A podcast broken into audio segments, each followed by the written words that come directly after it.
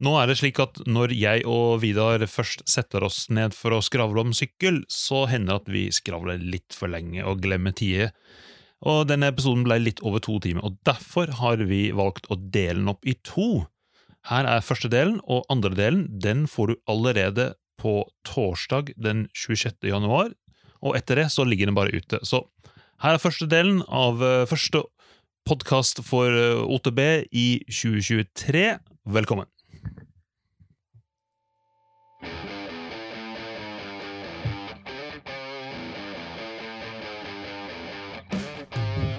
Velkommen til OTP-podden.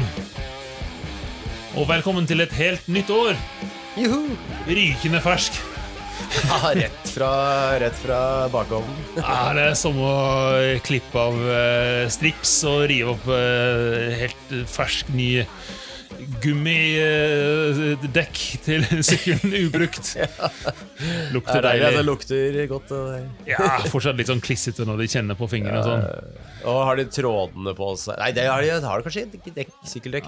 Litt grann trådene. Og så selv om du vet du kommer til å stå der og banne og kjefte med Kushcore, eller hva, hva, hva det er for noe, så er tanken og gleden om å få satt på helt nye dekk, Mm. det er bare det overgår Det er det fineste som finnes. stort sett alt, bortsett fra at det ikke er øl, kanskje. Ja. Nei, det overgår, det overgår det også. Eller, ja, Det kan kombineres, da. Drikke en øl etter en sykkeltur med helt ny dekk. Ja, ok, Nei, det overgår, det, ingenting overgår det. Ja. I hottuben mens du tar restitusjon. Ja, Ja. Velkommen, Vidar. Godt nytt år. Takk, takk, James. Yeah, Godt nytt år til deg òg. Nå er det, nå er det lenge siden vi har poddet. Ja, ja, ja. Det er, altså, det er nesten så eh, de siste nyttårsrakettene allerede er gått også. Jeg, vil, jeg vet ikke hvilken da, 17. januar, er det? Ja, 17. år- 17. januar, og eh, Hvor lenge siden er, du, er det siden du har sykla? Har du kommet i gang i år? Nei, i år har jeg ikke syklet noen ting. What? 11. desember var siste Rett, ass, gang. rett i skriftestolen. Er rett i skriftestolen. ja, det er sant. Eh, nei, det er mm, det, det endte med barfrostføre når det ga seg, så så blei det ikke noe mer. Men nå har jeg egentlig bare gjort ting, andre ting, som å gå på ski og kjøre snowboard og kjøre er eh, snurfer. Snurfer er det Oi! Det har jeg akkurat kjøpt. Ja, for Det er jo sånn snowboard uten binding. eh, Ja, sånn- ja, akkurat det. Og, Ja. og det er jo egentlig det første typen snowboard som fantes, eh, som ble oppfunnet før snowboard het snowboard, så det heter snowsurfer. Og Nice. da, ja, det, det er ganske moro. Det fine er at du kan bare gå uten noe stress og bare ta det med deg, og så kjøre pudder. Du kan bare kjøre pudder, da. Kjør fast løype, så går det ikke bra i det hele tatt. det er ikke noen stålkanter heller. Så. Nei. Den har jo snødd bra her oppe, eh, altså Grefsenkleivet bak huset i Oslo. Ja, det er jo fantastisk. Eh, i så du har sikkert fått en del eh, Ta en tidlig tur med hunden eller et eller annet, og så Ja, ja, rippe sånn- litt pudder på morgenen. Ja, det har blitt lunsj, eh, lunsj hundeluftaktiviteten. Gå opp der, og så tar jeg, får litt trening òg, da, for jeg prøver kanskje å kjøre litt eh, gå- og joggeintervall opp igjen. Så cruiser jeg nedover på eh, surfebrettet. da, Det er så jævlig hipster, Vidar. Altså, du går Ja. tur med bikkje. Den Altså, bikkja regner med ikke er i bånd. Nei, den er, det er ikke bånd. Ja, ikke sant? For den er, du, du er så kul at den er bare Den er Den, eh, at one with går, its owner. Den går selv, den. Ikke sant? Også, Den går litt i veien for meg. Og så surfer du i, på snø i, i lunsjen. Eh, Har du flannel på deg? Eller flanell? Uh, nei, og, okay. og der er jeg kanskje burde burde jeg spart litt skriftestolen etterpå, men jeg kjører med snowboardbukse og langrennsjakke. Fordi okay, jeg skal jo gå opp igjen, så jeg skal jo svette, liksom, og langrennsjakka puster jo sykt mye bedre enn snowboardjakka, så det blir det. Ja, men det er ingenting som puster bedre enn eh, flanell. Nei, altså, jeg får ta på flanell neste gang. Ja.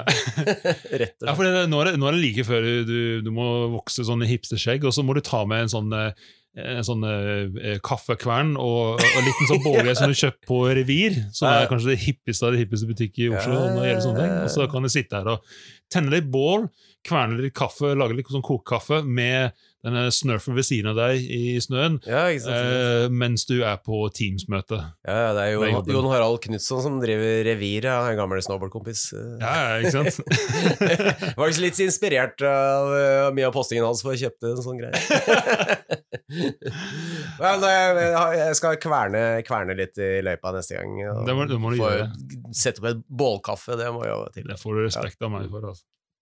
Ja, men eh, Du har i hvert fall syklet innenfor siste måneden, eh, sånn, eller litt mer. Jeg, Ja, det blir på, jo bare litt over en måned siden. jeg har ikke vært på sykkel på nesten tre måneder. Ja, fett, ja. Eh, ja, Ja, det- jeg skal ikke snakke masse om det, men også, det er noen som alle Jeg nevnte siste pod, og la ut en liten post på Instagram nylig for at jeg fikk eh, korona, og så fikk jeg long covid. Eh, og så sånn, sleit veldig med det etterpå. Masse svimmel og dritt. og, ja. Kan hende det var min egen feil, for jeg tok en treningsøkt ikke så lenge etter at jeg hadde korona, som ikke var en spesielt hard økt. De Men- fleste kommer jo unna med en veldig lit- lett en. Ja, eh, det var en eh, også på rulle restitusjonsøkt. Eh, ikke noe hardere pusting enn det jeg kunne klart å puste gjennom nesen, liksom med munnen Mm. lukket, men eh, kroppen var ikke, Det gikk greit med den første, og så tok jeg en økt til to dager seinere, jeg, jeg satt på sykkel og var svimmel, altså på rullesykkel og var svimmel. og på dette, og det, det er ikke et godt tegn. Og da satte det seg skikkelig i kroppen. Eh, så det har jeg drevet med. Var- ja, da kan vi komme med et uh, OTB-podden topp-tipp. da Ja. Ta det med ro etter covid. Ja, eh, var du, du sendte meg en sånn eh, oppskrift fra Ja, det er toppidrettssenteret Toppidrettssenter eller noe sånt. ja. Som de igjen har fått fra ja, det der helsegreiene. Ja, ikke sant? Og skulle egentlig, du skulle sendt den til meg et par dager før. Jeg sendte den etter den første Du posta den første treningsøkten på Strava. Stemmer det? så, men som sagt, jeg vet ikke om det var det, for det er mange som har hatt det uten at de trener. og sånn, så, Men uh, Mm. uansett, uh, jeg tok min første rulleøkt eh, bare for et par dager siden. Like Mm. rolig.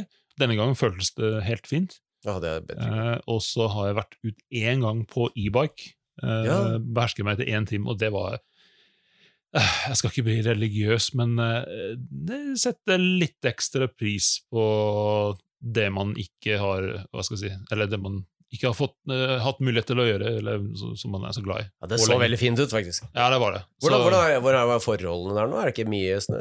det var mye snø, men eh, det var helt fantastisk, for det hadde blitt ganske mildt. Mm. hundelufter og turgåere hadde gjort jobben sin og trukket opp perfekte stier som uh, ca. 30-35 cm brei, Mm, yeah, eh, som hadde da eh, frosset til igjen. Så helt sånn fantastisk, oh, det det litt sånn beste. grovkorn Ja, ja. såle, så grepet var jo helt eh, vilt Det bra. er jo det beste.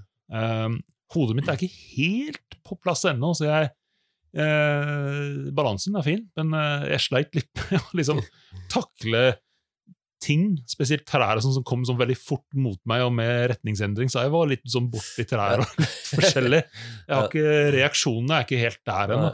Nei, nei, ikke sant. Jeg hadde jo også litt sånn long covid i vår. eh, Det tok jo Ikke så ille som du har det, men eh, jeg husker den hjernetåka. Den var ganske Den satt i lenge. Og, Ja, ja, faen, det, det er dritt. Men eh, Mm. nå tar det rolig.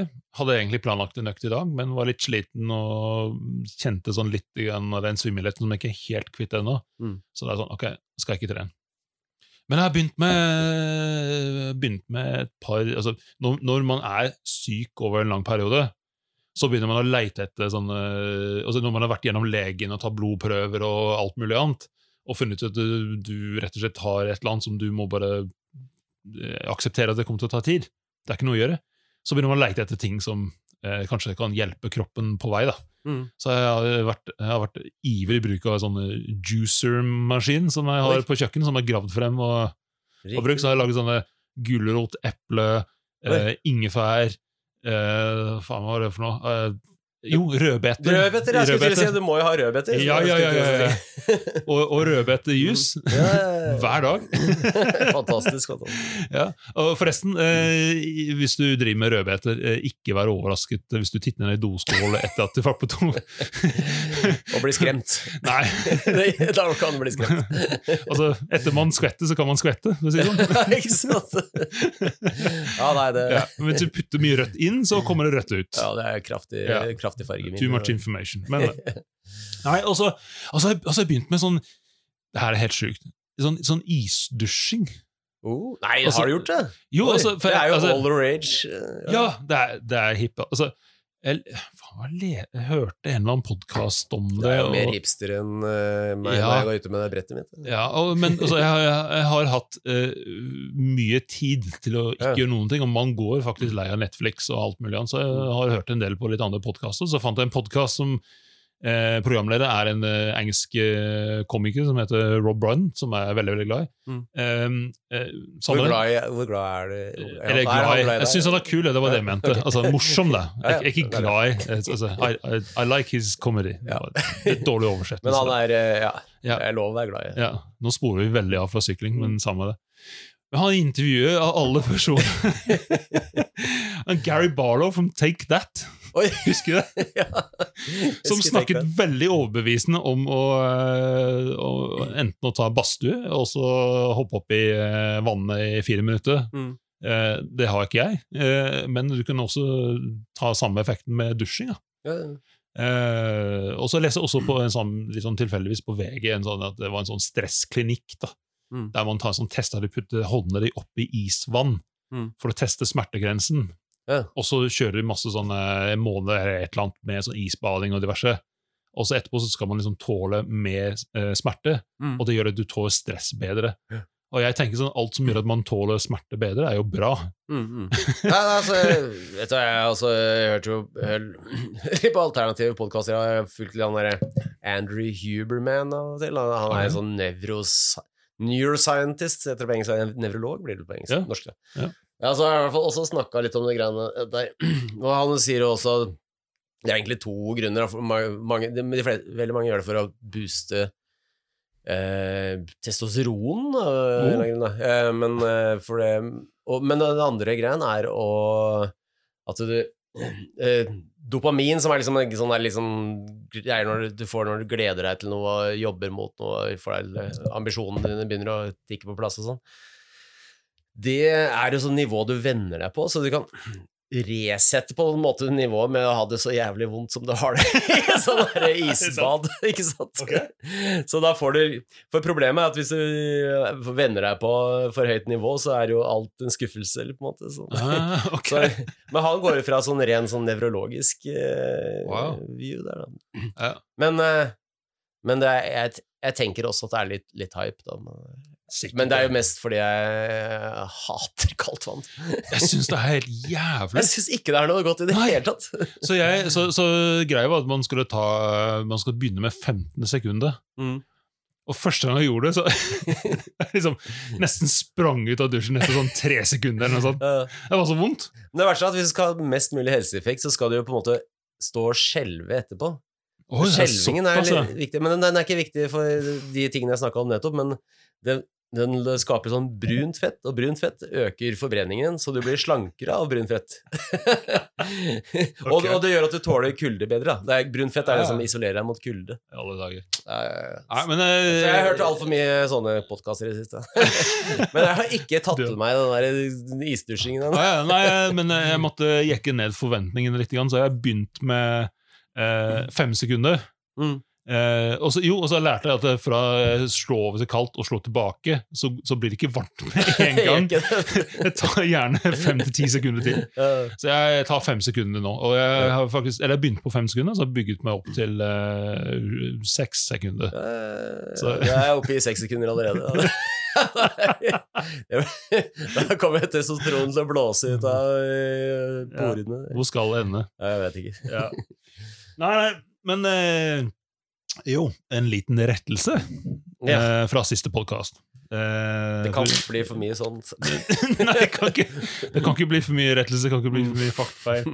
Eh, jeg fikk en veld, veldig hyggelig mail fra Eller eh, Instagram, eh, Messenger, et eller annet fra Andre Aamodt. Eh, som vi klarte å rote til forferdelig, hvem som sponsa han, og hvem som han er eh, ambassadør for. Og det som er riktig, det er at han Andre Aamodt var ambassadør for Anton Sykkeldeles Yeti, og nå er han eh, Eller nå er han fortsatt med plan A på stæsj, som han var før. Men forskjellen er at istedenfor Anton Sykkeldeles Yeti, så er, han, så er det VPG eh, som eh, sponser han, eh, eller hjelper han med sykle og demper. Ja. Made Ja, sense? Ja, det made sense. Men hva, hva er det sykkel blir det da? Eh, Rocky Mountain. Rocky? Det er det han sykler på nå. Eh, Hvis ikke, kanskje det er feil, det òg. Det er sikkert feil. Nei, jeg tror ikke. Jeg er ganske sikker på VPG har vel flere ting, men de har i hvert fall Rocky Mountain. Ja, Rocky Mountain øh, Han har vært øh, Jeg så på Instagram han var på Gran Canaria, tror jeg, og så tydeligvis har trent ganske hardt og var på en et annet merke på landeveissykkel. Men uh, samme det. Yes. Yes, yes. Og så er det jo litt uh, trist melding, egentlig. Det er en som heter Arne Christian Eide, som uh, blei borte for noen dager siden. Gikk bort uh, i en uh, speedflygning-ulykke. I Voss? I Voss, ja. eh, husker du han fra BMX-tidene, Vidar? Jeg tror alle husker han. Jeg er litt usikker. Ja, vi Jeg tror Altså, han kom litt sånn seint inn når vi begynte å bli litt sånn ferdig. Ja, vi begynte å tune ut. Ja, og han var eh, helt vilt god på kort tid, mm. husker jeg. Uh, var Eh, en av bergenserne. det ikke? ja, det tror jeg. Mm. Uh, og så husker jeg spesielt fra en gang jeg var i Horten, og jeg er ganske sikker på at du var her òg. Eh, jeg tror han prøvde å lære seg en sånn 360 eller 360 truck drive eller annet over spinen. Mm. Og slå seg altså så jævlig. Og han fyren der var bare umenneskelig. Han kom seg opp, og så satt han til slutt. Han var, Ja, ja, ja. han var helt rå. Så jeg kjente ikke han personlig, men jeg husker han fra BMX-miljøet. eh, 360 truck driver over spine. Altså. For de som ikke vet hva en spine er, så er jo det altså liksom er som to quarterpiper mot hverandre. Altså, det er som et hopp, men uten at det er noen flate på toppen, så er det jo Ja. det er vanskelig å finne landingen, da. Det- Også en 360 vet jo alle hva er, det går en runde rundt, men truck driver, det er jo Er ikke det en barspin hvor du følger med ene hånda hele veien rundt? Ja, det skal ligne en sånn eh, lastebilsjåfør som styrer med sånn kule på ratt, ikke sant? Ja, så, ikke Sånn sant? type så dette er jo ikke akkurat et nybegynnertriks. det. Nei, det er ikke det. Mm. Eh, så nei da, det, det er jo synd. Han har gjort mye for ekst, ekstrem sport VK. Hadde annet eh, ansvar for BMX eh, og MTB der. eh, så han Trist vil på flere nivåer. Ja, det var jo det. Så det var synd. Så vi, han vil bli savnet. Mm.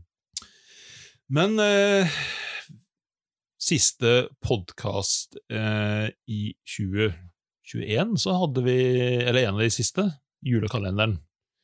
Der hadde vi en liten sånn eh, eh, runde med sånn spådom for eh, året, sykkelåret 2022. Ja. Der vi turte å komme med noe. Jeg, jeg, jeg husker ikke så godt det, men jeg Nei. tror du husker det, for du har notert ned noe greier. ja, altså, vi kan Jeg husker bare- det første, i hvert fall. Ta en liten runde her, så se hva, hva var det vi bommet på. Eh, første jeg, husker, jeg lurer på om det var jeg som Det var du som det. kom med den. Ja. Det er bra du understrekte det. Eh, snekkerbukse, Mm. Det slår ikke helt an.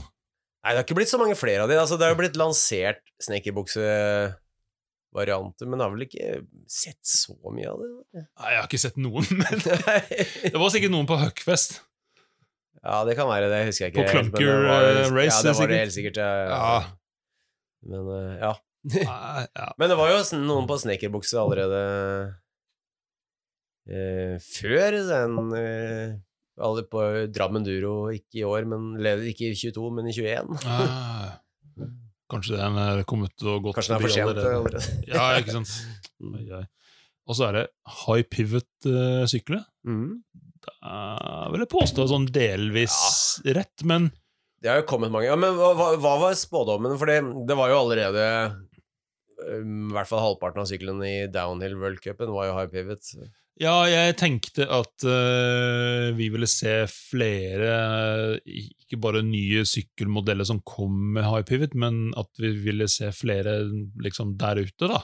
Ja. Uh, men det er ikke no, Det som er riktig, det, det har faktisk kommet en god del nye sykler som er high pivot. Det har det. Og det har, kom, og det har kommet mange eh, i forskjellige varianter, både de som er liksom en, på en måte en downhill-sykkel som du kan tråkke rundt på, og de som er lettere stisykler, nesten. Så det, det kommer til alle varianter, egentlig. Ja, det har jo det. Men det var kanskje litt for tidlig til å spå det. For, for altså det tar jo litt tid fra disse syklene på en måte er lansert, til at folk begynner å kjøpe det, begynner å Ja. dukke opp. Og, eh, hva skal jeg si sånn Det er, ikke, det er liksom kanskje litt overraskende at det er ikke så mange av de Eller jeg kan ikke komme på noe særlig av de kanskje liksom de store merkene som har hoppet på trenden. Nei. Eh, Cannondale har en. Eh, men ikke Specialized, ikke Santa Cruz eh, og en haug med andre. Men Ja, Santa Cruz har jo i hvert fall ingen high pivot, uh, verken i downhill eller Men det tror jeg ikke Specialized har heller, uten at det er 100 uh, nei. Commensal har Kommensal har har jo selvfølgelig, og de kommer jo med en ny utgave av downhill-sykkelen sin som Mm. nå har- går an å kjøpe, for den gikk ikke an å kjøpe først, var jo bare prototyp. Den der, Ja. er, er det fem, eller det heter? Noe sånt? Commensal Supreme, er ikke det downhill-sykkelen heter? Og så heter det nummer fem eller sånn, den nye. Ja. Ja. Jeg er ikke så god på det, men ja.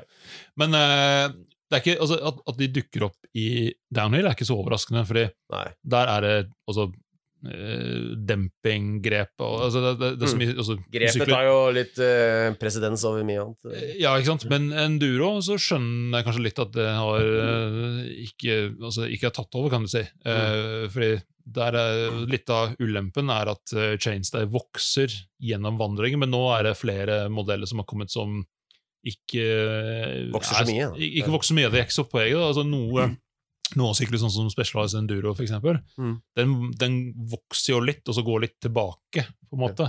Ja. Sånn at- men jeg, jeg, jeg, Nå var jeg sorry jeg avbryter deg, men jeg, jeg tenker på det der med voks, at det vokser At det ikke nødvendigvis må være en ulempe. Fordi uh, når du går inn i en sving, og så starter du med litt kort chainstay For de har de alle ganske kort chainstay egentlig når de er, ikke er pressa ned.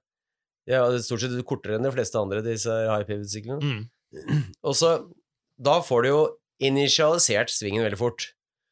Og så begynner du å trykke Får du liksom vekten på sykkelen, så blir jo chainstay lengre og lengre, og så i, i midten der når du liksom må jo liksom der ordentlige retningsendring om å pumpe sykkelen ned i kanskje en berm eller sånn, for å, da, da får du jo skikkelig trøkk inn, da, da presser du sammen. Da blir det sikkert ganske langt. Da er jo det punktet du vil pumpe ut fart, ikke sant? Og da er jo motargumentet, og det, det kan jeg jo skjønne hvis man ikke er justert kjøreteknikken sin, så er jo motargumentet at uh, pumpingen blir ikke sånn som du tror. Fordi Ja. du vil jo Du er jo ikke Rumpa di er ikke så langt bak Du skal jo lenger bak, på en måte, da, for å pumpe ut. Du skal jo liksom ha Ja. vekt over bakhjulet. Ja. Så du får ikke like mye trøkk på bakhjulet som du tror. Men på den annen side, det er jo, det er jo ikke som en bunnyhopp. Bunnyhopp er lettere med kort chainstay, men du kan jo hoppe høyere med lang chainstay, fordi du har jo mer Det er jo en vektstang. Så lenge det er sterk nok. Du må bare være mye sterk Ved en lang chainstay så må du være mye sterkere. Ja. Og det tenker jeg også med, med pumpingen, altså. Og du har jo egentlig nest, Siden du har både tyngdekraften og G-kreftene på din side, så har du jo Du har det jo nesten uendelig med krefter så lenge du greier å ikke kollapse i kroppen. Da.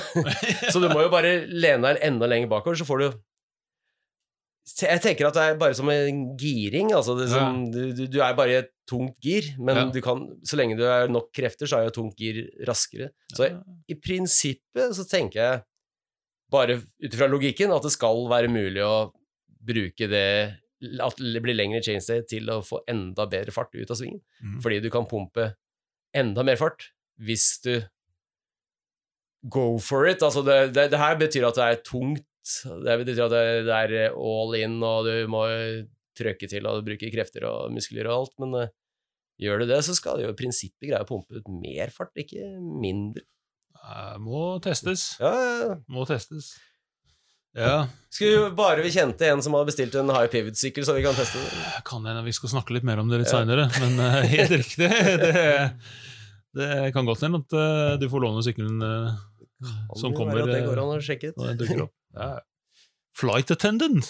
Flight Attendant. Ja, den syns jeg var litt spennende. Ja. Det er jo noe jeg ikke får testet, eh, som, som mest annet, men eh, hva spådde vi om Flight Attendant? At folk kom til å bruke det, eller at det, det skulle komme? Jeg tror også, litt sånn som High Pivot, at det skulle, at, det skulle dukke opp eh, på litt flere eh, sånn ferdigbygg da, fra, Ja. fra, fra fabrikken. Og så at jeg håpte at kanskje en eller annen løsning skulle komme, sånn at man kunne kjøpe som en, en sånn kit eller tilleggs til enkelt tilleggsgreier man kunne montere sjøl til enkelte dempere. og sånn. Ja. Men så vidt jeg skjønte på de fleste sykler som kommer, så må du kjøpe komplett sykkel med det. Ja, det, er, det er ulempen. Og det er ikke kommet sånn tredjepartsvariant, så på å si. Det er et eller annet som kan kjøpe nå som kom rett før jul, men eh, Nei, sånn eneste som jeg har sett, uh, var jo Madeira, som Så var jo han Leo Kokkonen, han som eier eier og driver Pole sykler. Ja. Pole. Ja. Han hadde flight attendant, Ja. og han har nok ikke lagd det sammen selv, da. Fordi jeg vet ikke om de leverer en ferdig Nei, Variant. det vet, nei, det vet jeg faktisk ikke. Nei, det vet ikke heller, men eh, jeg har ikke sett det. Men én ting som jeg føler at vi har Vi egentlig spådde litt riktig, det var eh, at vi på en måte har nådd metningspunkt for eh, lengre og slakkere sykkel. Ja, det blir ikke så veldig mye lengre og veldig mye slakkere. Nei, og også altså. det som er interessant, at uh, blant proffene og blant folk som vi kjenner også, så er det flere og flere som nå driver og velger en størrelse mindre enn Mm. det de tradisjonelt har valgt. ja, ja, Eh, fordi nå har syklene vokst så jævlig mye at large eh, eh, altså begynner å bli sånn gamle XL og, og så videre. Altså, Mm. Så Aslak, for eksempel, som valgte small sykkel. ja var, det, var det small han valgte? Det var small, det. Mm. Small Mm, uh, Chameleon. Chameleon eh, Transmodere. Og så han Arild Hemmelig, som vi hadde som gjest, han også har gått ned en størrelse. Mm. Og den nye sykkelen som jeg bestilte, den også er, large eh, for første gang på lenge. En Ja, ja, det er spennende å se åssen det blir Ja. plays out. Ja. Og litt av teorien er eh, eh, Jeg hørte en sånn podkast om det her, at eh, altså, det som man skulle kompensere litt før med lengre sykler, da, mm. det var at styrevinkel var ikke så slack som det er nå. Mm. Altså Før så var det sånn 66 grader, for eksempel, var jo ganske slack. Mm. Og så ble det 65, og nå er det Mange har jo gått under 65 nå. Mm, Ja, ja, 63,5 er det jo en del som kommer med. Ja, sånn at liksom sykkelen vokste i takt med at folk ønsket seg mer og mer stabile sykler, men Mm. så har syklene blitt uh, såpass slack, ja. og chainstays har de fått litt mer dreisen på og sånn også, at uh, nå er det ikke så det er ikke nødvendig at sykkelen skal være så jævlig lang, spesielt i reach. Nei. Nei. Og så blir, og så når den blir så slack, så strekkes de ut, da. Mm. Sånn at da kreves det sånn at sykkelen på en måte skal på en måte sånn, Der du skal jobbe, da, altså tenk på der beina dine er og hendene dine er, at du, du skal kunne uh, håndtere dette, kompensere at hvis det blir for lang, så mister du styrke. Det var jo mye av det vi snakket om, det med rad-måling Mm, mm, i mm. podkasten med Arild Hemmelig. Nei, det, det, det er jo det.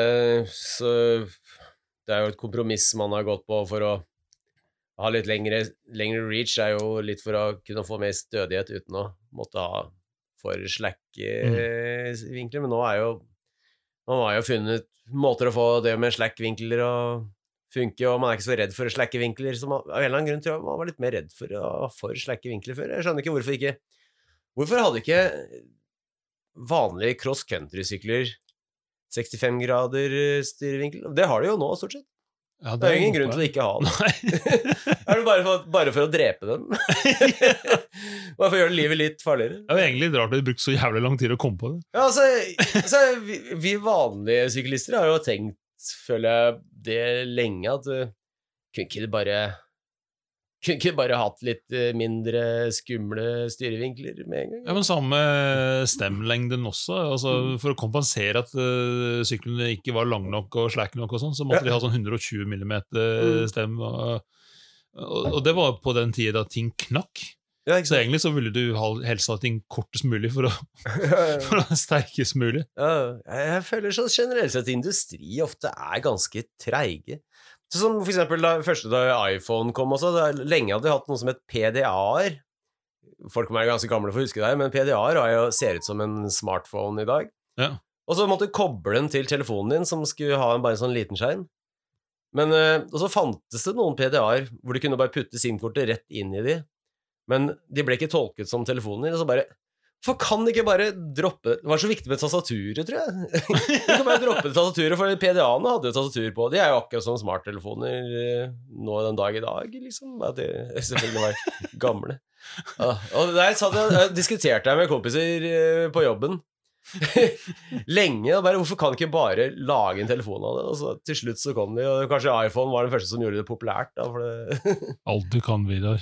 Ja, det, er, det, det her var jo et irritasjonsmoment. Nå er jeg både imponert og litt skremt.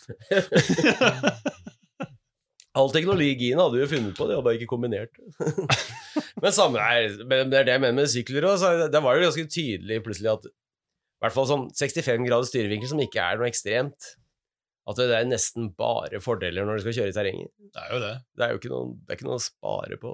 Tror du landeveissykler kommer etter?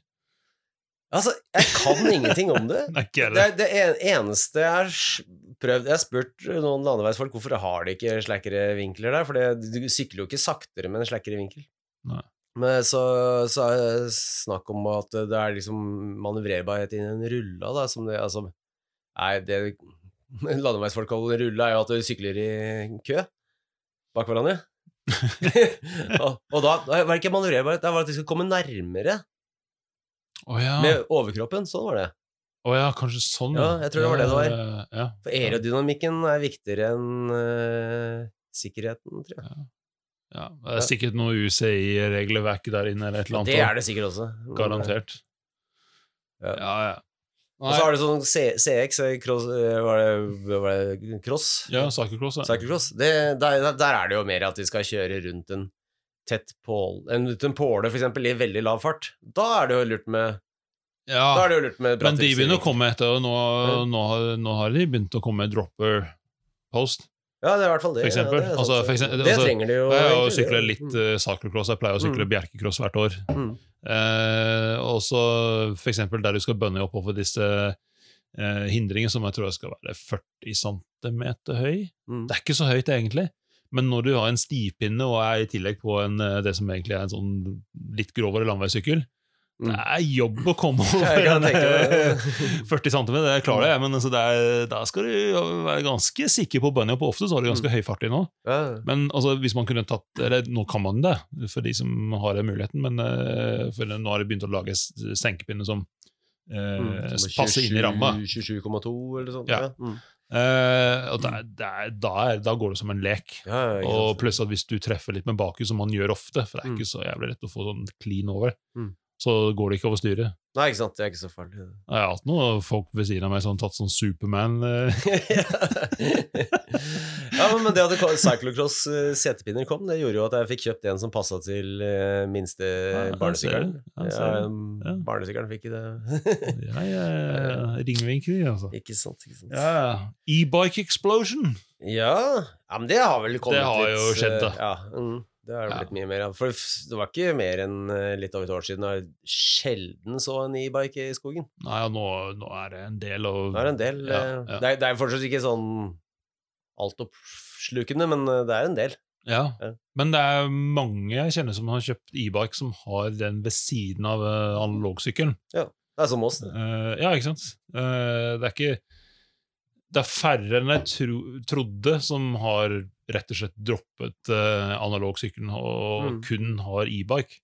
Ja, jeg tror kanskje folk som kommer til stisykling nå og starter med en e-bike, de kanskje bare blir der. Jeg vet ikke. da tror jeg det blir vanskelig å, å, å switche over. Og så tror jeg også at ettersom nå begynner flere og flere, spesielt enduro-konkurranser, altså enduro-ritt, Mm. eh, har, eller de aller fleste nå har e-bike-kategori. Mm. Og det var også en ting vi så i, eh, i fjor, var at uh, antall deltakere på e-bike uh, vokste ganske fort, altså. Ja. Um, før så Men var det sånn hvis du, kjempesvær klasse er det ikke. det. Nei, det, det er det ikke, og jeg tror det er lenge til den kommer til å ha noe på en måte som setter eh, andre i fare. Det, det Mm. tror jeg ikke skjer, men Uh, før så var det sånn hvis du meldte e-bike, så var du nærmest garantert pallplass. Ja. Med mindre du gikk tom for batteri. ja. Men nå er det alltid en to-tre skikkelig, skikkelig bra syklister. Ja, han Kristoffer. Rakneberg han eh, stilte opp med sin Mondrake Kraftig, som er sånn som jeg har. Han vant han ikke, tror du? Ja, i hvert fall på pallen. og Sleiping, Kanskje han vant, jeg husker ikke helt. Billig inkassert eh, seier. Eller var ikke Ja, eller mener André Aamodt også har stilt opp. ja, han har også kjørt det. ja, Kanskje det var samme ja. konkurranse. Kanskje, han- ja, kanskje han som vant. eh. Kanskje det var han som vant det. Ja. Ja. Altså Ja, men, øhm, Det har vært flere i, som normalt sett vinner masterklassen uh, i enduro, som plutselig stiller i e-bike. Ja.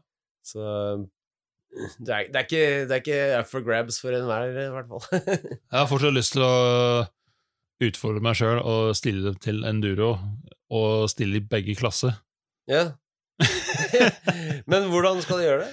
Nei, jeg har ikke helt uh, skjønt hvordan jeg skal få det til sånn, uh, med logistikken. Da må Nei. jeg sikkert uh, gjøre en avtale med arrangøren at ja, at jeg kan få til et eller annet. da Kanskje på en eller annen etappe så må noen komme og møte meg med den ene sykkelen, eller et eller annet. Ja, for det er Mot, bare mot at jeg ikke, stille, ikke er liksom med i konkurranse, men jeg bare hadde syntes det var litt sånn gøy å få Ja, nei, for det jeg bare tenker at eh, de går jo samtidig, som regel.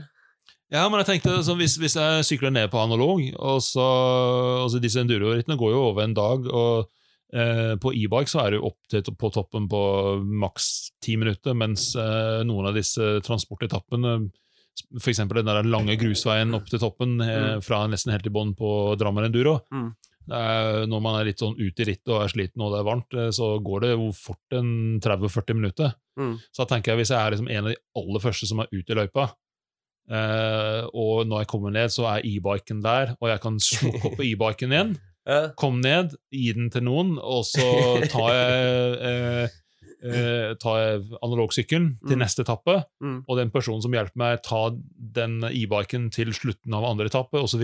ja. Da skal det gå, Da men må noen Ja, ja, nå må, da må du ha en hjelperytter som kan kjøre, ja, må, transportere ja, til nettopp. Og så må jeg som sagt avtale med arrangøren at dette er ok, liksom. At, eh, og kanskje ikke jeg kommer på Eller så kan du kjøre alle løypene to ganger, men ene gangen så slår det av eh, motoren. Åh, Nei, men ikke på med Mondraken, for den har ikke noe sånn uh, frikoblingsgreie. Så det, oh, ja, det går nesten ikke an å sykle. ja, det er jo ikke fortalt av de to siste sykkelturene mine, for da, da, da var uh, setepinnen gått i vranglås på vanlig megatoweren. One up? Ja, ja one-upen. Ja, så den, så den var ned når den skal være opp, og opp når den skal være ned? Ja, ikke Ja. akkurat sånn. Ja. Da gjør du akkurat det motsatte av det jeg Yes. ønsket. Og det var litt irriterende. Så da, da tok jeg elsykkelen. Men jeg skulle sykle sammen med noen som ikke hadde elsykkel, så da slo jeg av motoren. Og det er Norbea Horizon den er jo, det er jo bare noen kilo tyngre enn en tung endurosykkel. Ja. Og det gikk helt greit, altså. Ja, det Det var jo ikke noe problem. Det er litt sånn som eh, når jeg testet en Forrestal-sykkel. Mm. Akkurat samme, jeg skudde av motoren, og klarte den er litt tyngre, men det, det hadde gått helt fint å sykle den uten motor. Ja, ikke sant? Så, så lenge det er litt ekstra håper på å si, fysisk overskudd um, for den å sykle sammen, så kan du sykle i samme tempo, egentlig. Ja, ja, ja. Merkelig nok så slo jeg den på nedover i et av stedene, for det, jeg følte at det, da fikk jeg akselerasjonen veldig mye bedre på de flatene. Men jeg slo den av oppover, for ellers ville vi ikke, liksom, ellers ville ikke jeg fått noe trim på den turen. skjønner. Men nedover så er det jo full gun, da venter jeg ikke på noen uansett. Sånn, eh, du har funnet opp noe nytt nå, sånn omvendt e-bike-sykling. Sykling. Skru av oppover og Ja, skru på nedover.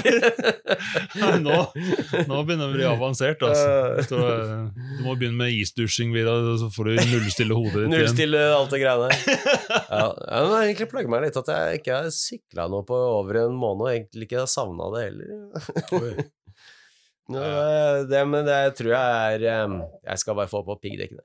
Jeg husker fra forrige vinter Jeg husker at jeg synes at sånne forhold som du snakka om der, hvor det er litt isa til i løypen og sånn, jeg syns det er nesten morsommere enn om sommeren.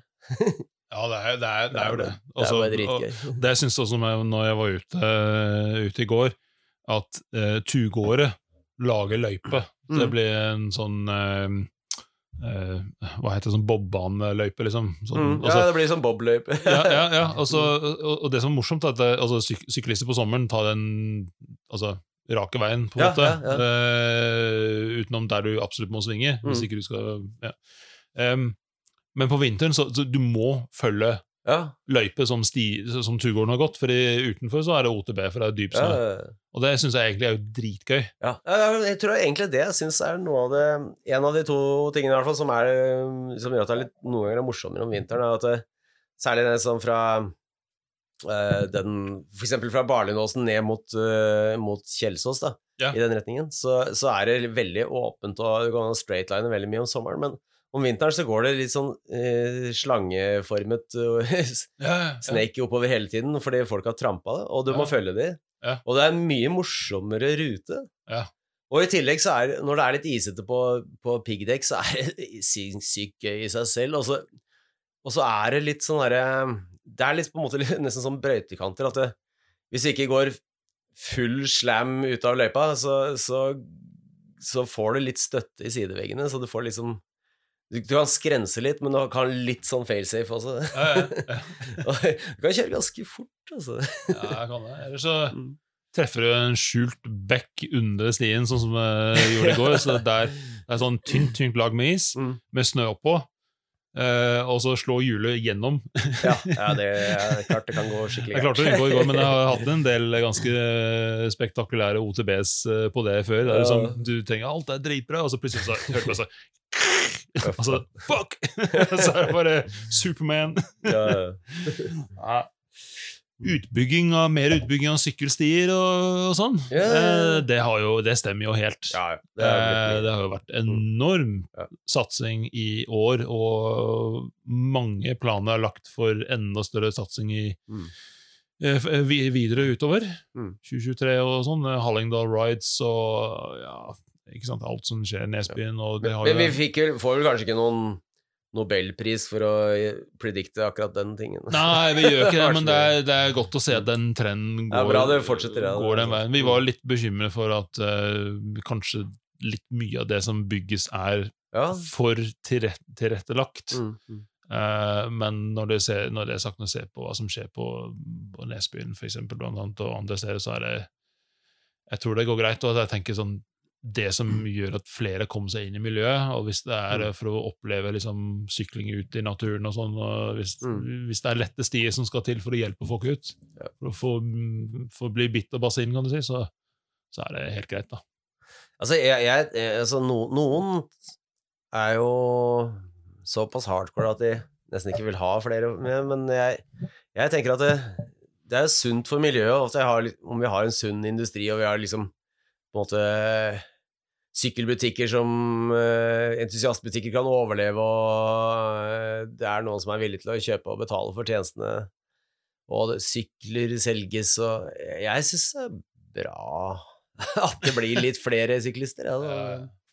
Um, Men den, den der stien de bygde opp på fjellet på Nesbyen, mm, uh, jeg tror det er 17,5 km lang, eller et eller annet, det er ganske lang. Også, og når du kjører ned fra fjellet på slutten, eh, så er det sving etter sving etter sving etter sving, mm. med sånn fin dosering og sånn. Eh, det er jo egentlig helt trygt og ikke noen tekniske utfordringer i det hele tatt, men jeg kjenner ingen som har syklet med uten å tryne. Folk blir så gire. Ja, ja, Og det er sånn, på et eller annet tidspunkt så er det forhjul som går over toppen av Berman. Ja, ja, ja, ja, ikke sant. Så, ja, men det, det tenker jeg eh, så, Hvis ikke klarer å utfordre deg på noe nesten hvilken som helst nedoversti, så eh, har ikke fantasi eller eh, Nei. pågangsmot. Ikke sant? Ja, det er bra. Og så til slutt eh, DH gummiblanding på ikke-DH-dekk. Ja, Eh, det har blitt populært, det, da. Ja, Har det dukket opp? Eh, Det var det noe vi ønsket oss. eh. Ja, altså altså Maxis har jo Har jo på en måte eh, Hva heter ikke, heter ikke Supersoft? Max Grip på, på Exo Exo Exo Plus. Exo Plus og Exodekk også. Mm. Ik- Ikke Exo Plus, men Exo også, tror jeg. Så det er det, er det jo en del av. Eh, de som ikke Det er vel stort sett bare Maxis og Svalbe så- hvor du kan velge helt fritt, for de har så mange modeller. Mm. Mens de fleste andre har liksom ja, Jeg har veldig trua på kontinentaldekkene nå, men de har jo ikke det. De har sånn downhill-dekkene kommer i downhill-soft eh, og supersoft, liksom, og enduro-dekket kommer i mellomsoft, og den eh, cross-country-dekken kommer i cross- cross-country hard Det er liksom ingen Ja, for du brukte kontinentaldekk i Transmodario? ikke Ja, jeg brukte, jeg brukte bare bakdekket Bak, ja, ja. Kryptotal R. Ja.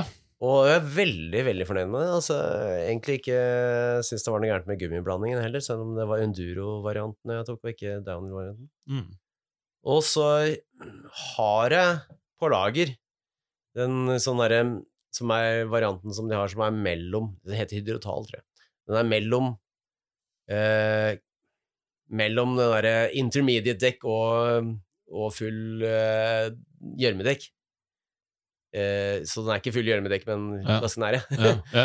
Den, også, den har jeg downhill-utgave, den har jeg vurdert å sette frem. Men jeg gjorde ett forsøk en gang, og da hadde jeg litt dårlig tid. Og så Det downhill-dekket var vanskelig å få til å poppe, så da bare Nei, drit i det, tar det en annen. Så oh.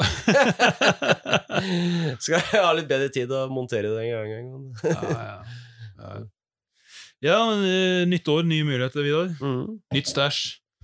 Eh, men først, veldig kjapt eh, Har du satt noen mål for i år? Har du noe, hatt noen tanker der allerede? Jeg har egentlig ikke satt noen direkte mål, eh, fordi Men jeg skal bare Altså, jeg har det samme nyttårsforsettet hvert år. Bedre på alt. men det er, det, er, det er ikke dumt, det. Ja, det er ikke dumt, det. Det er ikke dumt, det. Og du er, du er en av de som raskere, eh, bedre. Du er en av de som er kanskje som jeg kjenner som er mest tydelig på hva slags sykling det er du liker mest. Ja, jo, sant? Du, du er ganske sånn tilspisset på eh, det du gidder, og det du ikke Ja, gidder. det er sant. ja, ja, ja. ja, det er gøy. Ja. Ja, altså, altså Men det, hvis jeg skal tenke ut noen mål, altså Det er problemet at jeg har, jeg har ikke satt noen sånn derre Jeg har ikke funnet ut akkurat hvilken om jeg skal være med på noen konkurranse, eller hva slags konkurranse jeg skal være med på utover det normale. Jeg har et ønske Mm. som kan bli et mål. Eh, Jeg, jeg har planer om å være med på Nesbyen Enduro, som Mm. ofte kommer litt tidlig i sesongen. Ja, det, altså, den har jo vært moro å være Ja, med Men det driter jeg i, for at jeg skal til Transmedeire i Mm. september. Så jeg har bestemt meg at jeg skal melde meg på litt mer eh, utfordrende ritt. Mm. Eh, og ikke ha, så, ikke ha sånn, sånn sjukt nøye mm, fokus på resultat. Mm. Går sikkert i kjelleren når jeg ser resultatet, men jeg sier på forhånd at jeg ikke skal det. Men mest for å bare bli vant med startnummer og, og med tekniske ritt. Ja. Med høyere hastighet og sånn Mm. Mm. i forkant. Så om du er med, så hadde det vært dritkult. Ja, det, det hadde vært moro. Ja. Altså, det, det, det står ikke på meg. Jeg hadde kanskje kjørt uh, hele serien om jeg ikke var for at eh, kona syns jeg burde være en del av familien av det. ja, det var det, ja.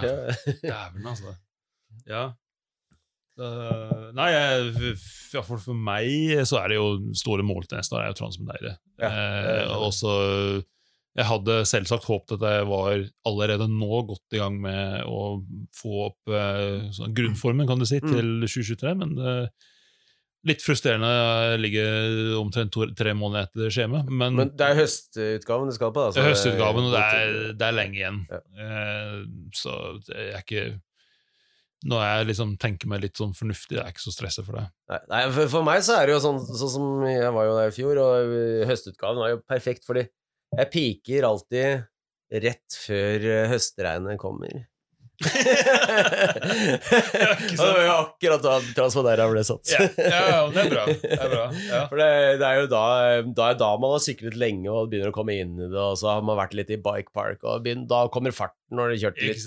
Kjørte en helg i Hafjell, da, da kommer Ja. farten, ikke sant. Og så eh, plutselig er du ikke redd for å hoppe litt langt og høyt lenger, og så Ja, for så er jeg, det- Når du slutter å være redd for ting, så går det enda litt fortere, ikke sant. ikke sant?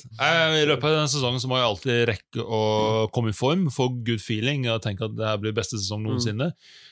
Også for å deretter gå litt i kjelleren. ja, du har jo det sånn oscillerende Ja, jeg, må, jeg må ha en sånn eh, en uke eller to der jeg graver meg helt ned, før Mm. jeg kan bygge meg opp igjen. Og Ja. da, da pleier formen å komme, og farten. Ja, ja. Kanskje bare med isdusjene dine, så går, går i kjelleren litt lettere og litt fortere og oftere isteden. Ja, gjøre gjør det på eh, ti sekunder i dusjen om morgenen istedenfor å Ja, som jeg hater livet! og så, kan, du, kan du gå ut og så elske livet etterpå. Nei, ikke sant?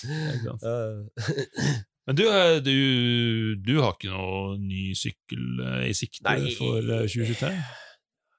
Det er jo en evig spørsmål, men når jeg, når jeg kjøpte den der Megatoweren, så tenkte jeg Den no- nyeste varianten, så tenkte jeg at jeg, jeg tror ikke jeg skal trenge å bytte sykkel på veldig lenge.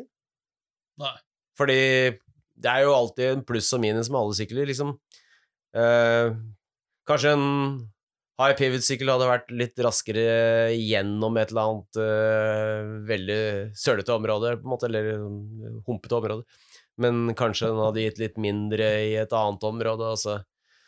så, er det, det er en ganske balansert og bra sykkel. Og så kom slapp de den der Nomaden, da, som er samme ramma, men en annen bakramme som er møllet. Og jeg er egentlig mye mer glad i å ha lite bakhjul og stort forhjul, så vi får se, da. Det, det går faktisk an å bare bygge opp, men øh, og, og det er ikke sånn at jeg må ha Santa Cruz, selv om jeg har hatt det veldig mange ganger, men det, det er bare sykler som funker bra. Jeg, jeg har lite vedlikehold, liksom, solide, så det er egentlig bare litt tilfeldig. Men jeg, jeg kan ha det er, det er mange andre sykler jeg er spent på, altså, som jeg kunne. At, eh, vi, kan, det er vel det vi skal, kanskje skal snakke om nå, da. Vi, Ja, altså, vi kan jo snakke litt om den Santa Cruisen, for eh, altså, eh, jeg bestilte meg, sånn som jeg sa i forrige podkasten, eh, bestilte meg en DV8 Claymore eh, ja, den virker veldig kul. faktisk. ramme med EXT bakdemper. Mm. Um, og så EXT er ganske kult også. Ja, det blir jo raskt bare av å snakke om i XT. ja, Jeg måtte ha en ny bakdemper med sykkelen, og um, EXT bakdemper var jeg tror 2000 kroner mer enn en Lurer på om det var Olins, eller ja, samme Ja. det. Men uansett, det er sånn det som jeg ellers ville Mm. tatt. Og jeg tenkte sånn, ok, Hadde det vært sånn 5000 kroner forskjell, så hadde jeg sikkert jeg hadde, jeg hadde ikke tatt det. Men Nei. 2000 tenkte jeg sånn Nei, det, fuck it. Det er bare å sant? Eh, Det er et sett med dekk. Bra med Formel 1-teknologi. Ja, ja, ja, ja, italiensk og what could possibly go wrong. Ja, ja. Men eh, så, så, Og jeg leste mye tester om den sykkelen, Mm. eh, og, og mange av de var ganske overbevisende. Og de har ganske gode rykter fra før. Det er skotsk Mm. eh, merke. Um, og så kom Santa Cruz med, med sånn som vi sa i stad, altså kom med oppdatert Nomad Mm. rett etterpå. Eh, og det er bare for å gi en sånn liten sånn bullet points på den sykkelen. Det er, det er, mullet, altså 29 foran, 27,5 bak, 170-170 vandring. Eh, og så har den sånn flip-chip, eller er ikke Mm. det det heter? Jo. Jo, jo. Eh, så du, den har en sånn head tube angle på 63,8 eller 63,5, Ja. avhengig om det er høy eller lav. 475, 472 reach, eller 443 og 444 chainstay. Eh, I størrelse og Large. Altså, det er egentlig det som er, Så- skiller den fra en del andre eh, Mullet-sykler, er jo at den har ganske lang chainstay. Ja, nettopp. For mange, altså, og det har jo tydeligvis gjort den veldig balansert i disse her, eh, journalistenes i hvert fall. Ja. Vi har jo ikke testa den. Nei, Ja. men du hadde nesten den sykkelen da du hadde Nomad og bygde den om Mm. til, ja. til, til Mullet. Så det er kanskje det, egentlig det eneste som manglet på den Nomaden, Nomad, eh, forrige Nomad-versjon, eller det blir jo forrige forrige, da. Ja. Eh, som jeg bygde om til Mellet, det var jo mer kanskje at det, at det sete... Hva heter det? Ikke setestaget, seterøret. Ja. Er eh, kanskje litt slakkere enn det ideelt sett skulle vært. Ja. Det, for det var jo ikke superbratt i utgangspunktet, og så Nei. satte jeg møllet, så ble den tippa litt bakover igjen. På den du hadde? på den jeg hadde. Ja, for jeg husker du setet ditt, ja, du hadde sånn du hadde sånn, det kjørt den jævlig langt framover, og så hadde jeg ganske sjuk vinkel på den. Ja, Så det sånn det er flere grunner til det. Da. Ja, ja, ja jeg husker jeg alltid titte på, på Nomaden og var sånn oh, That doesn't look good. Det er sikkert funksjoner jeg driver på, men det var sånn eh. Ja, nei, men altså, det, det er jo flere grunner. Jeg, jeg hadde litt eh, vondt i skrukken, Å ja. ja, ja det... så da vi hadde forover, så Men det fins, uh, apropos stæsj, det fins jo et sete nå som du kan justere on the fly, sånn vinkel. Ja, jeg har hørt om det. Det er, det er, det er en sånn dings du setter på og sånn, tror jeg. Er ikke Ja, er det, er det det, er det Jeg sete? Eh, ja. Det fins i hvert fall en sånn dings du kan sette Ja. på. Så det er hvert fall, det er setepinn. Kan være noe for deg, hvis det integreres med AXS. Så. Ja, ikke. Ja. Men øh, jo, eh, så det er jo, det er jo en mullet megatower. Men ja. jeg, jeg skal innrømme at da, da den Nomaden kom, om jeg ikke hadde bestilt en uh, Claymore, så hadde uff, faen, da hadde jeg fått eh, ganske vanskelig valg. For jeg, jeg hadde Nomad, det òg, Mm. og jeg var veldig glad i den. Mm, mm. Eh, men eh, eh, Men det, altså, den størrelsen på den sykkelen er jo med sånn ekte large. Ja, ja, den har ikke vokst Den har liksom holdt seg litt uh, på samme Ja, ikke sant? Det er ikke sånn large large. som har blitt XL, eller gamle XL. da. mm. Så, Selv om lengden mellom hjula er nok blitt lengre, men uh, reachen har ikke Ja. så blitt så mye lengre. jeg lurer på om den ekstra lengden har gitt den lille ekstra stabilitet som var det eneste som jeg ikke likte med den Ja. Nomaden jeg hadde. For det, det var, den hadde litt tendens, spesielt hvis jeg mistet grep på forhjulet. Mm. Da, var jeg- da følte da var jeg av sykkelen. Mm, mm. Det var det eneste jeg ikke likte, men det Ja. var litt sånn Ja, det var et eller annet der som var det- denne Rå Donna jeg har nå, den, det skjer liksom altså, Skal ikke si det aldri har skjedd, men det, da, da føles det veldig sånn trygt. Hvis jeg mister grep på forhjulet, så er det Ja. sånn Å ja, men da kom du tilbake, liksom. Men Nomad var bare sånn Nei, da er du av. Jeg er enig med Roma Donald du har. eh, Det er jo Nå har jeg fått veldig mye skryt, eh, den ramma, så eh, jo- Pass på at du ikke blir skuffet over nye. Nei, men vet du hva, jeg, jeg la den ut til salgs, og selvsagt la den ut litt for seint i fjor. Og så er den XL, og den er en litt spesiell sykkel. Eh, så det er liksom Ja. Det, den er faktisk ikke til- altså, Den er ikke ut på finn.no nå. Ikke at jeg skal reklamere på egen sykkel her, men uh, det, det krever en som er minst 1,80-2088 høy, kanskje litt Mm. mer. Uh, og ja, Så det Jeg skal si at det er ikke så mange som den passer til. da. Du skal være ganske stor rytter. Men egentlig så er jeg litt glad for at den ikke er solgt, for jeg har litt sånn Hvis Claymore er helt feil, Mm. så ligger den i boden fortsatt. Ja, ikke sant? Og selv om Claymore er helt riktig, så jeg merker at det kribler veldig i fingrene til å bygge en downhill-rigg ut av Ikke den. sant? Så, ja, det Så- har jo vært litt interessant å lage en Ja Kanskje, kanskje.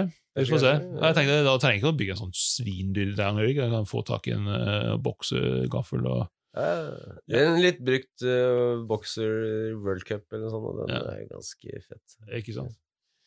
Men det, det, som altså, Apropos reviews, da. Mm. Eh, altså, den fikk jo mye skryt av Pinkbike. Mm. Pinkbike. Eh, da skrev de at den DVA Claymore har kjøpt, var Altså, de, de skrev 'High Pivot Heaven'. Yeah. Excellent suspension performance, especially over small and medium square-edged bumps. Not just a single-minded downhill machine, it's still fun on moderate terrain.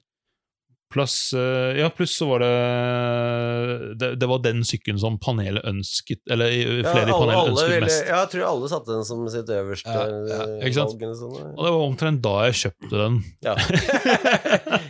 Helt random. ja, sånn. Men altså, det var jo det, og så var det kombinasjonen av rad på large ramme passer meg helt perfekt, Mm. eh, og så, så ramme geometri, og så alt liksom var bare sånn it's, it's the shit. Men så kommer jo Enduro-mag da, med sin uh, enduro, store enduro-test for eh, 2023-sykler. Mm. Altså, det fikk ikke slakt akkurat, det, det gjør det ikke, men uh, da skrev jeg sånn The Claymore comes to life on natural enduro trails and single tracks, but isn't very forgiving of riding mistakes, requiring a vigilant and active riding style to prevent becoming a passenger. Ja. Og det høres jo ikke helt ut som det samme de Nei, det, de pinkbakka, de, de var sånn det, det var, De følte seg mest conference inspiring og alt det der. Eh, så er det litt sånn Hvor mye skal man legge i disse tester når man kjøper seg sykkel? Ja, det lurer jeg på. Og, og jeg tror at man må egentlig se på mange tester og Men jeg, jeg tror egentlig man får bare finne ut hva man selv har lyst til å høre, og tro på det, sånn som man har egentlig sånn Egentlig som er motsatt av det du skal gjøre når det kommer til vitenskapelige ting, for da skal du prøve å se etter hva du ikke har lyst til å høre, og motbevise deg selv. Det er jo Mm. egentlig en god vitenskap som man gjør. Men jeg tror alle syklene nå er så sykt bra at journalistene de griper etter et halmstrå for å skille dem. og de tar det de finner. Og jeg tror du kan tolke det mest i beste mening, egentlig. Altså. Jeg tror du har noe rett i det. Altså, jeg har vært forbrukerjournalist i eh, flere forskjellige medier i Ja, mange år, og, og spesielt mot eh, bil og biltesting. Mm. Eh, og liksom, når jeg snakker med folk sånn ærlig altså, altså For det første så det er ekstremt sjelden at jeg har slakt en bil. Og Mm. da jeg snakker med så jeg det er egentlig Det fins ikke direkte dårlig bil lenger. Nei, Det fins ikke noen mandagsbil. Den tar deg, tar deg til dit du skal, hvis du trenger det. Ja, ikke sant? Men sånn som du sier, at uh, altså, man må prøve å skille disse hårfine eh, forskjellene. Mm. Sånn at det kan oppleves, sånn, spesielt hvis man skal være litt tabloid, da. at man kanskje drar litt for hardt i den ene tingen som du hengte opp i, en, eh, i motsetning til den andre. Mm, mm. Så jeg, jeg ser den, den journalistiske vinkling kanskje kan slå ut litt for hardt på disse testene. Mm. Um, Og så er det mye smak og behag òg. det er jo det. Og så- er det sykling i mye større grad enn Eller også biling, men uh, i bil så har du jo den derre Du har jo den På en måte den fyren som bare skal Eller dama som bare skal ha en bil for å leve med en bil. Ja. Og så har du jo de som skal ha bil for å At de syns det er så himla gøy å ha, kjøre bil. Og de skal ha litt forskjellige biler. Men på sykkel så har det Altså i hvert fall terrengsykkel, da. Alle syklene er fordi det skal ha det så himla gøy. Ja. Det er jo ikke, det er ikke noen som trenger å transportere seg fra den ene enden av marka til den andre enden av marka med en terrengsykkel. Det kan være, men det er veldig corner case. Jeg tror ikke det er, det er ikke der journalistene konsentrerer seg. Så alle, alle sykler er som uh, sportsbiler, da. Ja, ja, ja, Det er jo ikke, det er, det er, det er racingbiler som regel, altså, til og med.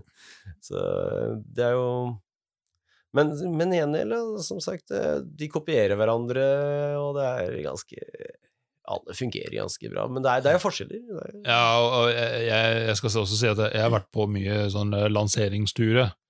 Mm. Eh, ofte så samler de journalister fra samme verdensdel. Så ofte så er jeg på samme lanseringstur med skandinaviske journalister osv. Og, og der, eh, der er det noe karakterer på disse eh, altså, altså Miljøet er lite, jeg kjenner jo alle. Mm. Eh, og vi har møtt hverandre mange, mange ganger, så vi er gode venner. Eh, og noen er sterkere karakterer enn andre, Ja. og har litt høyere standing enn andre.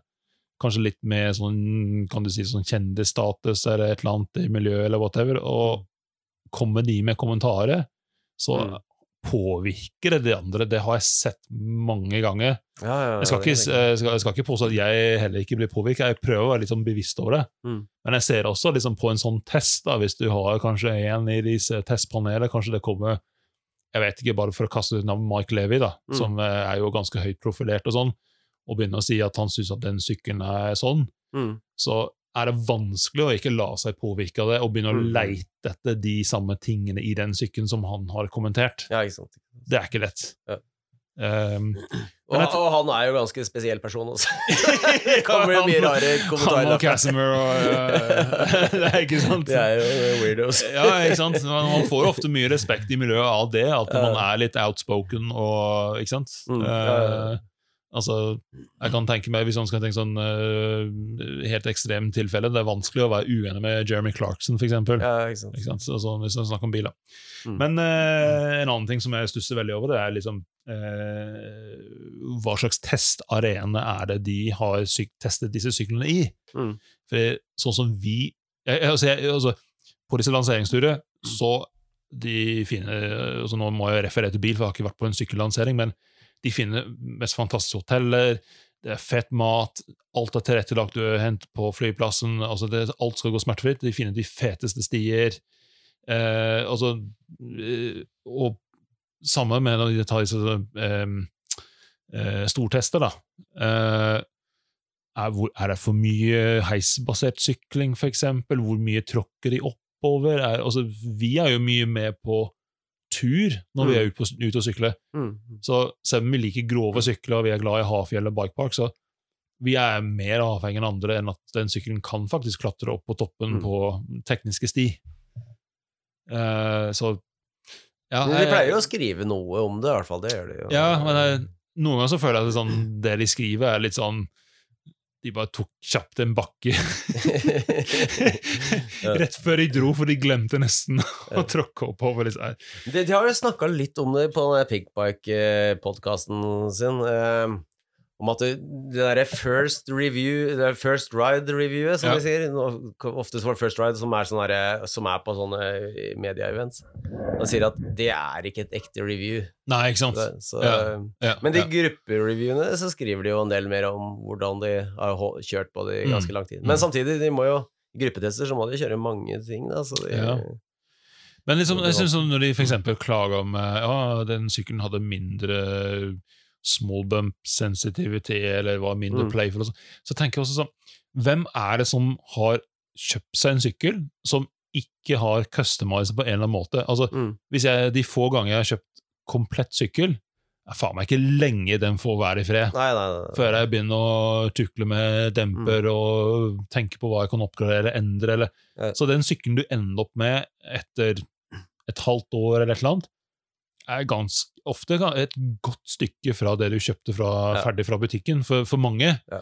Uh, og jeg tenker sånn Jeg syns det er vanskelig for eksempel å fastslå at den sykkelen er litt mindre forgiving, eller i Mm. visse omstendigheter eller den er ikke playful nok. Eller for jeg tenker sånn, Det er jævlig mye av det du kan egentlig ordne med å sette opp sykkelen sånn som du vil Ja. ha det. Ja, ja, absolutt. Og, og, og samtidig, altså, jeg sy- syns også sånn derre Typisk disse journalistene også klager for eksempel at det, de syns ofte at flipchip er unødvendig. Det er jo fordi de flipper aldri noe, men de, de endrer jo ikke sykkelen.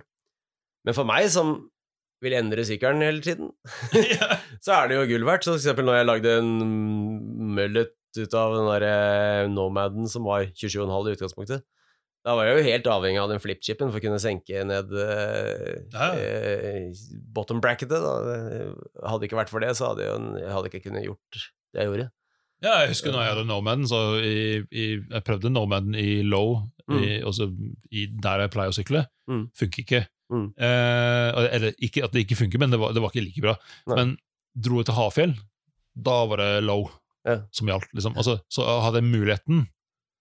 Ja, Jeg, jeg sykla faktisk min i high helt til jeg satte på 29-tommers forhjul, og da satte jeg den i low. ja. Så, um, så, det, det er jo sånn som, sånn eh, eh, den, På Megatower nå, så er jo nest, Det er så lite forskjell i, i styrevinkel da, på high og low, men det er en del forskjell i, i, eh, i eh, Hva heter det for noe? Progresjon, progressiviteten i baknemperen.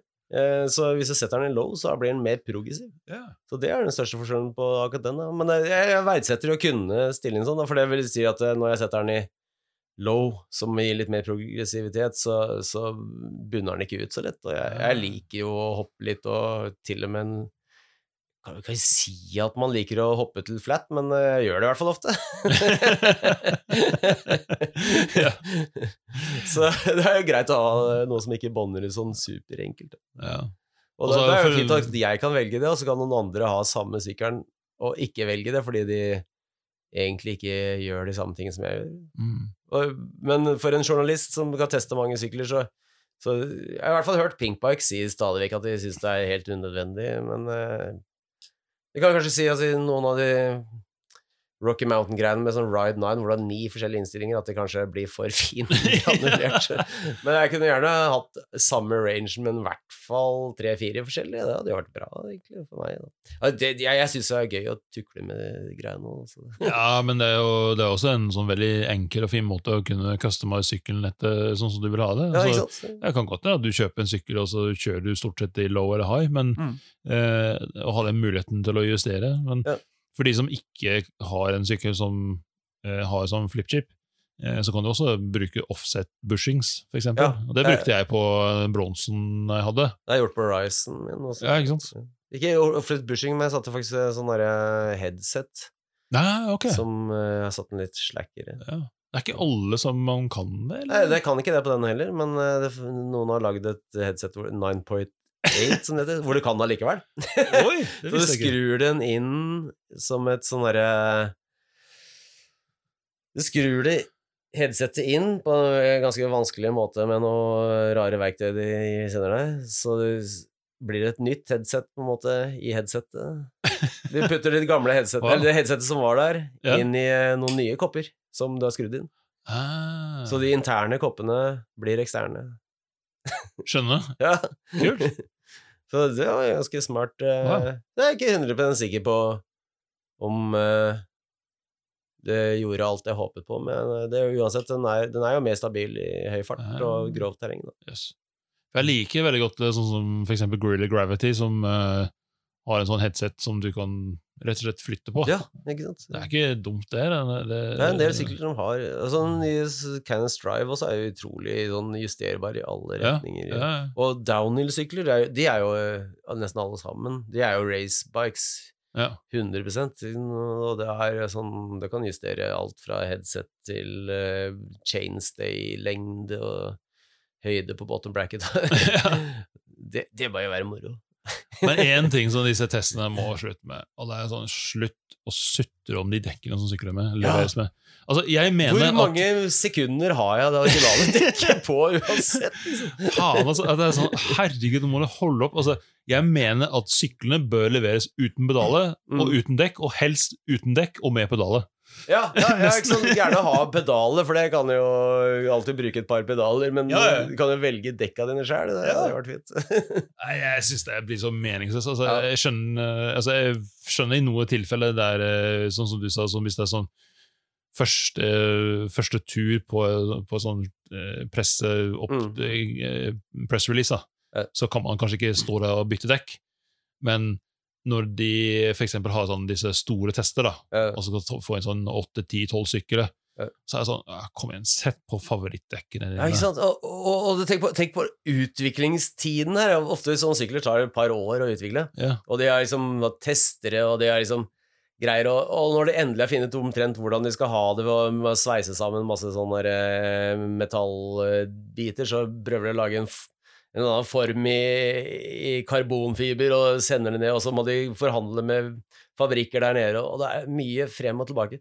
Så til slutt så trekkes de for de dekkene som tilfeldigvis Ja. var tilgjengelige på markedet når de skulle. Men jeg, jeg mistenker også at uh, grunnen til at mange bare fått en bra eh, deal på de dekkene. det er noen folk på fabrikken som gråter. Ja. Nei, men jeg mistenker også sånn at uh, noen ganger så velger de for eksempel de, altså, de velger de dekkene som ikke er så grovt, Mm. fordi at de må oppgi vekt på Ja, sykkelen. ja, ja. Mm. Eh, og hvis du, det, hvis du for eksempel sier at det, det nye Santa Cruz Nomad eh, veier eh, 5,5 kilo, Mm. men hadde du satt på de dekkene som alle kunne sykle med, Mm. gjerne med dekkinnlegg, så hadde den kanskje totalvekten bikket 16. Ja. For Santa Cruz, å oppgi et sykkel veier over 16 kilo, Mm. er jo en liten katastrofe Ja. på Så, så sånn sett så burde det jo på en måte straffes litt, bare fordi de gjør det. Men, men samtidig um, sant, Når du nevner Santa Cruz, er både den Megatoweren jeg kjøpte, og den nye Nomaden er sånn at det, det var veldig stor vektforskjell på den som kommer med luftdemper, og den som kommer med coildemper. ja, ja. Og det er fordi den med coildemper kommer med tjukkere dekk. Nei, er det det? Ja, ja, den kommer med oh. double down, Yes. mens eh, den med luftdemper kommer med Exo pluss. Ah, så det er ikke coilen som veier to kilo? Det er ikke liksom? coilen som veier to kilo. det er dekket.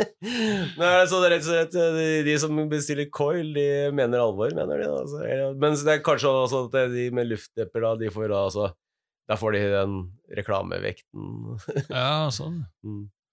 Ja, eh, Burde, burde jo kommet med bare sånne vanlige eh, rundbanedekk, vet du. Da hadde du fått ned vekten. Eller cyclocross-dekk.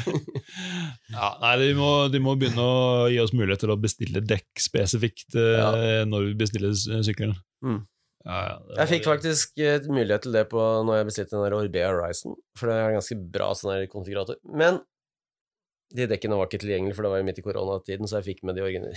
jeg ikke ville ha likevel. Jeg skal ikke si de, de, Var ikke det Dissecto du fikk? Med? ja, ja, ja, ja. de skrellet du har rimelig kjapt. skrella det- var fordrekket, altså i i Exo-utgave, da. Ikke. Exo pluss engang. Og aggressor bak? Eh, nei, ikke aggressor. Ehm, det var eh, ikke Icon, men en av de der som er litt mer forecaster eller noe sånt. Jeg husker ikke. Forecaster bare Ja. Ja, ja Max, Maxis dekk som er sånn cross country-greie. Recon? Recon, ja. Ja, Recon, ja. nettopp, ja, ja, Og. Recon var Exo pluss, da. Ja.